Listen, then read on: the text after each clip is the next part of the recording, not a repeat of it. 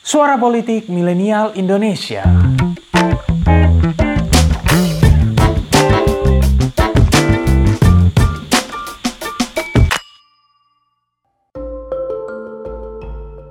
Secara sederhana, golput bisa diartikan sebagai sebuah sikap pemilih untuk tidak memilih kandidat yang ada. Saat ini, golput diartikan secara lebih fleksibel. Misalnya, untuk menyebut orang-orang yang justru pergi liburan, alih-alih datang ke TPS untuk memilih. Namun, tahukah kalian, jika mulanya golput merupakan gerakan politik dari orang-orang yang kecewa terhadap pemilu? Istilah golput pertama kali muncul menjelang pemilu 1971.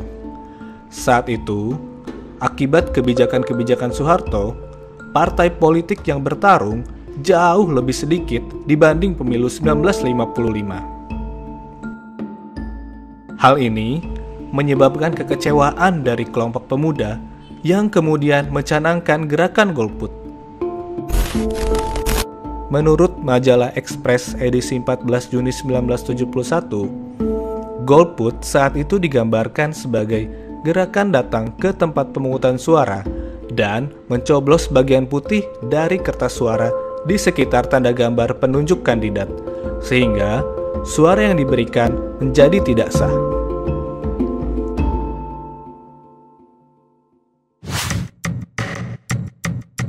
Salah satu tokoh yang menjadi motor penggerak dan menyebut diri sebagai kelompok oposisi itu adalah Arif Budiman atau Su Hok Jin, kakak dari Su Hok Gi. Arif beserta sebagian kalangan aktivis 66 menginginkan tradisi di mana ada jaminan perbedaan pendapat dengan penguasa dalam situasi apa pun. Dalam buku Kebebasan, Negara, Pembangunan, kumpulan tulisan 1965 sampai 2005 yang ditulis oleh Arif, mereka juga merasa kecewa karena Soeharto melanggar asas demokrasi yang mendasar dengan membatasi jumlah parpol peserta pemilu. Menurut mereka, dengan atau tanpa pemilu, pada akhirnya kekuatan efektif yang banyak menentukan nasib negara ke depan adalah ABRI.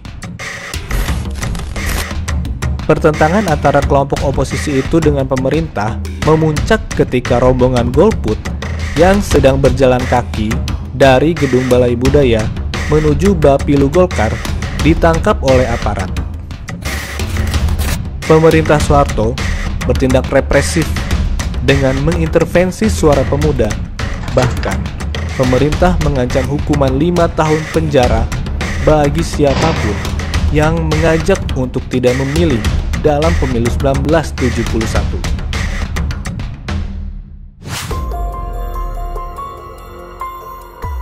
Hal ini berdampak pada angka golput di pemilu tersebut. Menurut Sri Yuniarti dalam penelitiannya, saat itu golput mencapai angka 6,67 persen. Sementara itu, jumlah golput mengalami kenaikan pada pemilu berikutnya dengan angka 8,4 persen. Memasuki masa reformasi, nyatanya angka golput semakin membesar.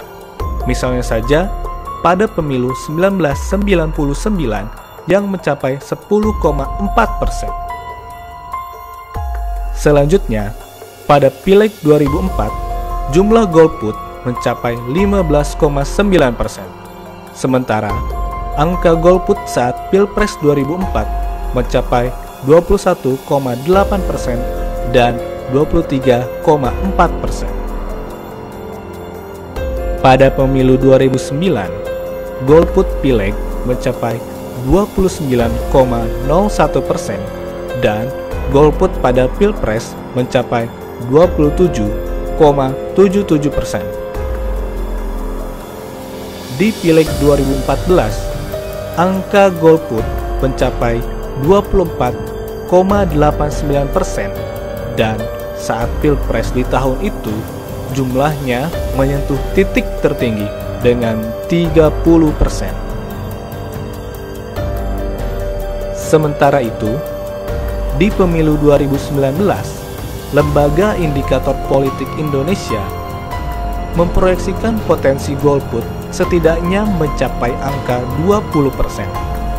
Angka ini didapatkan dari jumlah orang yang telah memutuskan golput ditambah mereka yang belum menentukan pilihan atau undecided voters.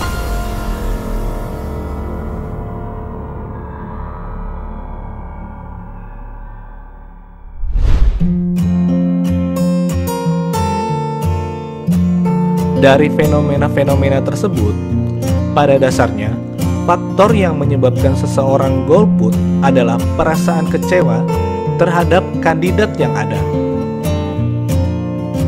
Pendapat ini sejalan dengan pandangan Dwight Yekin yang menyebutkan bahwa hal tersebut adalah buah dari sikap kritis terhadap pemerintahan beserta pemilihan yang sedang berlangsung. Lalu, Bagaimana dengan kalian? Apakah debat pilpres dan kampanye jelang pemilu 2019 ini membuat kalian yakin dengan para kandidat yang bertarung? Atau kalian akan golput dan mendukung pasangan dildo? Terima kasih telah mendengarkan episode kali ini. Nantikan episode-episode selanjutnya dan jangan lupa untuk kunjungi pinterpolitik.com untuk dapatkan informasi seputar fenomena politik di Indonesia. See you next time and bye-bye.